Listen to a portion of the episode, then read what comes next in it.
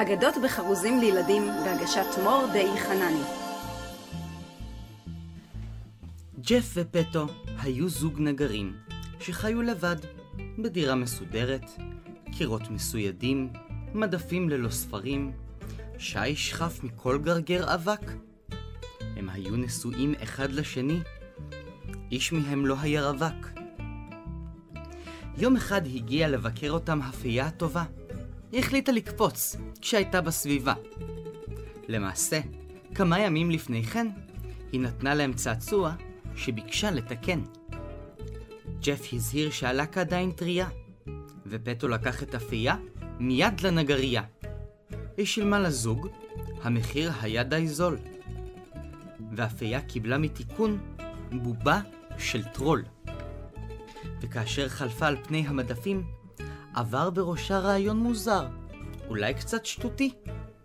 Hmm, יש שם בובה מעץ, שנראית כמו ילד אמיתי. פינוקיה, נתתי לו שם קצת מצחיק.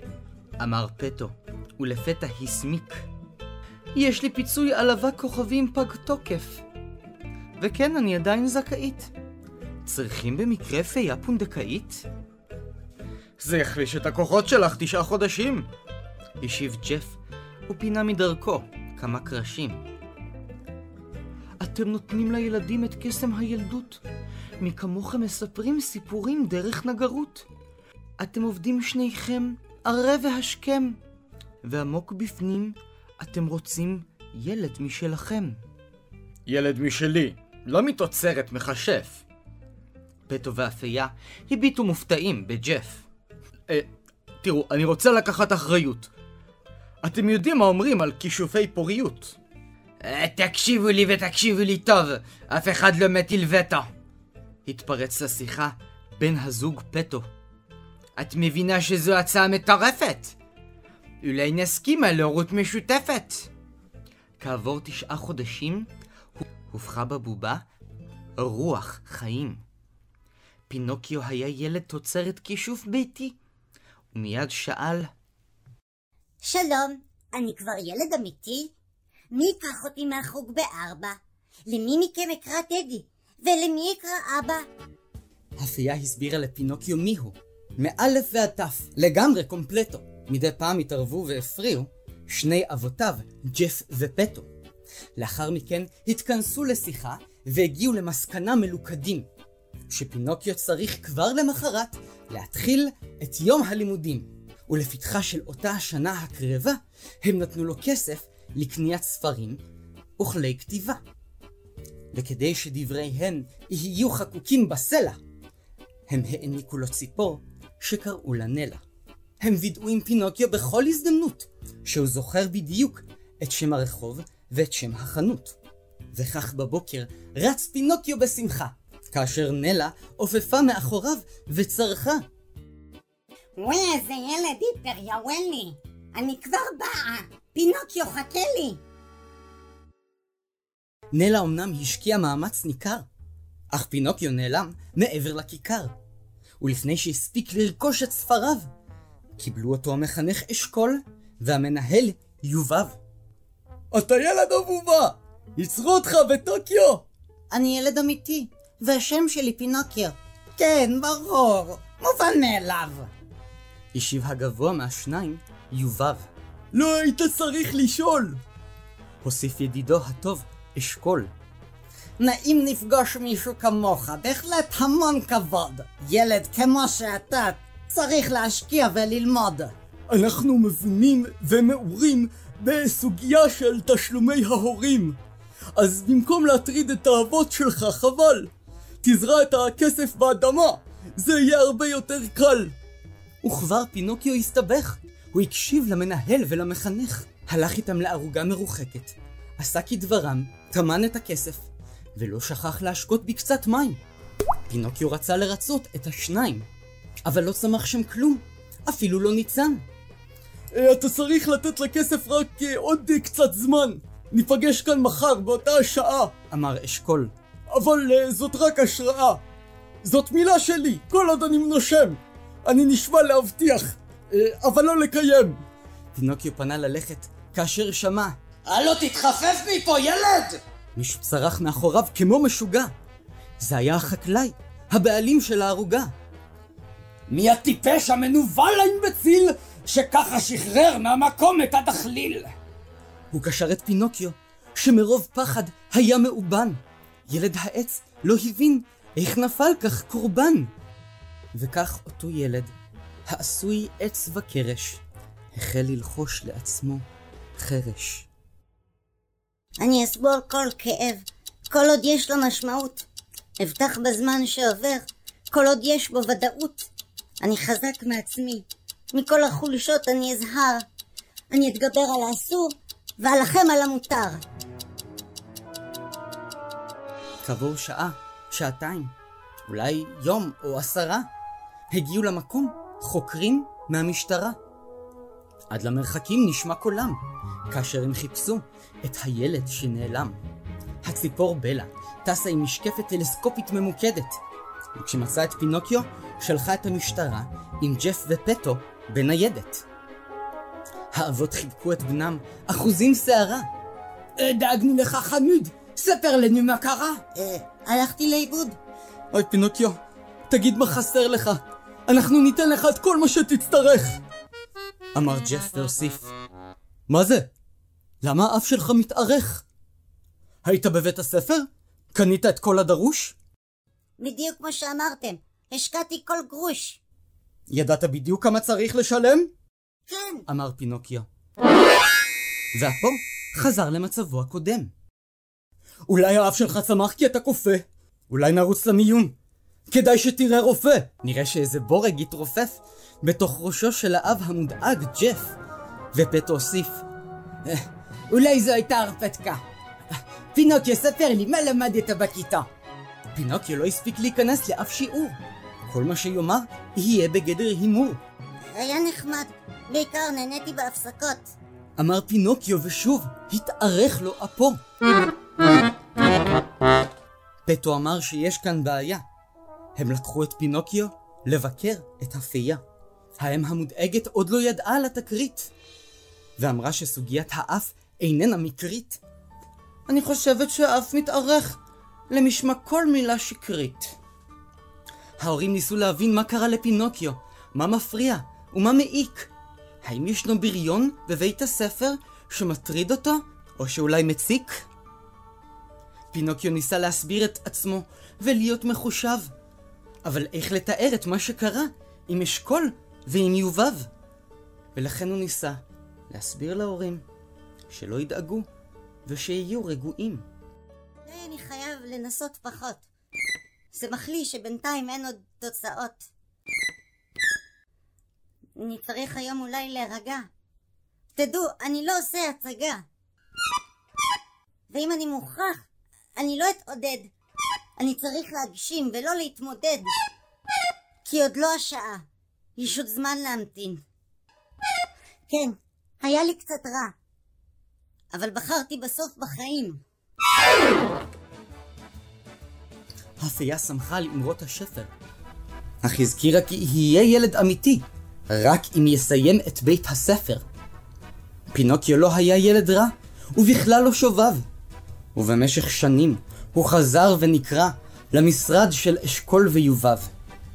עד התיכון חזר וביקר, ותמיד ניסה להוכיח שהוא לא משקר. חלפו תריסר שנים, ולמרות כל המאמץ, פינוקיו נותר עשוי עץ, אבל הוא עדיין לא כעס. המחנכים, יובב ואשכול, התכנסו וערכו פרוטוקול. יש למכור את פינוקיו לקרקס. מצאתי מקום מושלם עבורו. זה גם מקום שקולט במיוחד נשמות עלובות. אבל זה עניין רגיש, אסור לפקשש ואין למעוד. לכן, פינוקיו, צריך לשמור על כך בסוד. עברת תהליך מייסר ואיטי. כעת תהפוך לאדם אמיתי. ובינתיים, לפני שפינוקיו התכונן לנסיעה, הגיעה המשמורת של אמו, הפייה. הפעם הוא היה הרבה יותר תכליתי. אמא, כל הזמן הזה אני לא הפכתי לילד אמיתי. פינוקיו חמוד, אולי אתה קצת פספסת את המסר. תהיה אדם אמיתי אחרי שתסיים אוניברסיטה. לא מספיק בית ספר. אני בטוחה בכך, או לפחות מקווה. אבל אפילו לפייה לא הייתה תשובה. אז מה הטעם הנפגם? אני דורש להיות אדם, ולהשתיק את כל מי שעמד שם ודרש לי ונאם, על שמוטב לשתוק לו לענות, רק נטפל לטוב ורגשות, במקום לראות שבסולם איכותני וכמותי. אני שורט את הדלתות בין הפשרות לקורבנות, ואם זה לא מספיק ברור, אמשיך לשלוף את השלדים מהארון, שיהיה עוד מה לבחון, אבל בסוף מה יישאר לי? אני רוצה להיות אדם, גם אם זה סוג של בן אדם. בחמש לפנות בוקר, פינוקיו נפרד מג'ף ופטו, לפני שאשכול ויובב עמדו לעשות ממנו קוטלטו. תחושה של שחרור עלתה בו כמו חטא. בסוף לסיפור התגלה האמת. התיק הקטן נארז ונסחב. שתיקה מבוהלת עלתה על שפתיו. הבוקר התגנב, התיר את הצללים. הטל שטפטף הרווה את העלים. הזמן חוצה כמו גשר, לא מרשה ולא אוסר. הם יישארו תמיד כמו ספר, עם דף אחד חסר. אשכול ויובב קבעו עם מנהל אותו הקרקס, שישלם להם בצ'ק, לכן חתם בפנקס. ולאחר שהזמין את פינוקיו להצטרף, הוא הציג בפניו את מי שיהיה לו המאלף. את מי מעניין היום צעצוע מדבר? בוא ותלמד לקפוץ דרך החישוק הבוער. והסיוט הנורא של פינוקיו התממש. הוא הופיע כך כל ערב מול הקהל הרועש. לאחר כל הופעה, פינוקיו נותר עזוב. מנהל הקרקס כלא אותו בתוך כלוב. איך שהזמן כאן עוצר, מחוגים רצים ללא מנוחה. תמיד הוא חוגג, שיכור ופרוע. וכיצד חלף הזמן של פינוקיו? הוא לא היה שקט, אדם העץ לא הרגיש עוד בטוח. ואיפה הזמן שלו? חלפה עוד שעה, עבר כבר שבוע. הזמן שנגנב לו, כבר לא מנחם, לא מרפא, אולי הכל בגללו. חלום צבעוני, שחוק ומהוע. כל לילה פינוקיו יושב בתוך כלוב ובוהה. ההורים המסכנים כבר הפסיקו לנגר. פינוקיו עבד, לא השאיר פתק, לא התקשר. חלפו חודשים, חלפה כבר שנה, ואת פינוקיו כאילו בלעה האדמה. יום אחד נשמעו קולות שמחה באוויר. זה היה הקרקס שהגיע לעיר. אלו היו שעות הבוהריים בשישי, כאשר הקרקס חלף דרך הרחוב הראשי. כל העיר נראתה ממש כמו קרנבל. הקרקס הוקם בדיוק בנמל. פטו הביט מהחלון, ובעיניו החל למצמץ. היה שם שלט ענקי. קרקס עם פינוקיו! אדם מעץ! פטו קרא לג'ף ולא יסף. היה ברור שבנם נחטף. הם יהרו לצאת ללא כל תירוץ. היה עליהם לארגן תוכנית חילוץ. הם קראו למשטרה, שכיתרה את אוהל הקרקס. אף אחד לא יוצא, ואיש גם לא נכנס. יש לנו עדות על חטיפה בכתב ובאודיו. החזירו מיד את הנער פינוקיו. מנהל הקרקס שמע את אותו קול מצרצר. ליבו נחמץ, והוא החל להרהר. לילד העץ יש שני הורים? אבל הוא בובה. אולי הם מאמצים. אבל אם יגלו מה עשיתי, הקהל לא יקנה כרטיסים. המנהל כמעט התפרק, אבל הוא היה חייב לשלול כל ספק מול אשכול ויובב.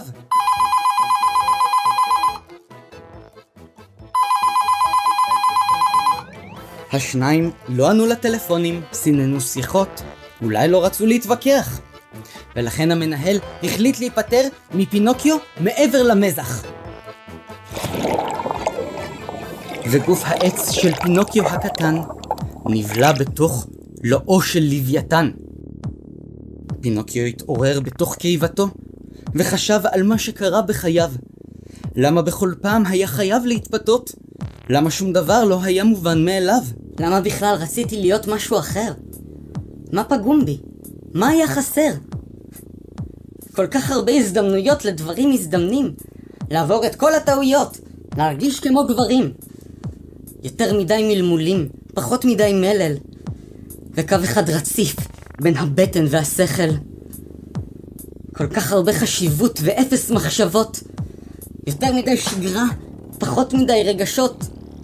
גם אם לא שמו לב, אני קיים, אני כאן. מבקש להתבגר כשיגיע הזמן. ג'ף ופטו מצאו פתרון די מתוחכם. הם גילו את פינוקיו בעזרת מכ"ם. יחד עם גדוד צוללנים נסעו לים גזע ברוש כרות וסחו עד ללוויתן ופנו אליו ללא התגרות. הם חיכו עד שיפער את גרונו ודחפו לו את הברוש באופן חלקי. פינוקיו נהדף מבטנו, הם אילצו את הדג להקיא, אבל הם דאגו להתייחס ללוויתן בעדינות, שלא ייפצע, או חלילה ימות. אבל הלוויתן היה לא הגמיש. את חודו של הברוש הוא כמעט לא הרגיש. פינוקיו נשטף מהים ונחת על שפת המים. הוא בדק שעדיין הוא מצליח להזיז את הידיים.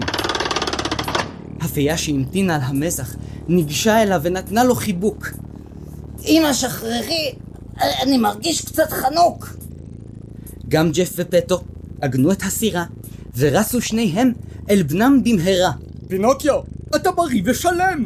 ז'ף תסבוט אותי, אני בטוח חולם. פינוקיו, אמרה הפייה, הכל באשמתי. אמרתי שדברים יסתדרו, אם תיקח עצמאות. חשבתי שתהיה כבר ילד אמיתי, אבל זו לא הייתה הדרך. זו הייתה טעות. היינו צריכים להסתכל על המציאות באופן ריאליסטי. אתה גם עשוי עץ, אבל גם על הספקטרום האוטיסטי. אבל אפשר לתקן את הדברים. זה עדיין מוקדם. אולי תזכה בכל זאת להיות אלם בשר ודם. עוד נותר במה להיאחז, לדעת שזה לא עוד זמן שמתבזבז. ואם אני מוכרח, אני לא אתנגד. כל החיים ניסיתי רק להתמרד. לא נותרה עוד ברירה. והייתי תמים. כעסתי המון, והיום בחרתי. בסוף בחיים. זה אמנם היה חלום, אבל החלום היה שטותי. אין לי כאן מקום, ואני לא ילד אמיתי.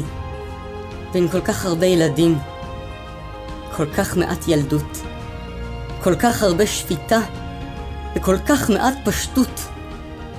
גם אם לא שמים לב, אני קיים, אני כאן.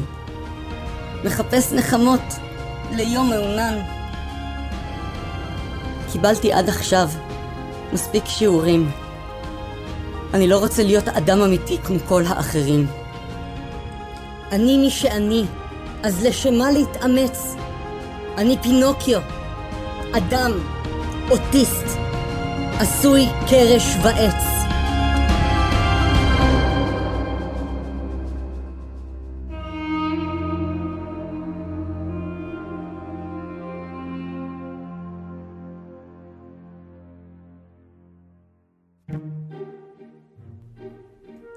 ועוד עניין קטן, איך הייתה האגדה?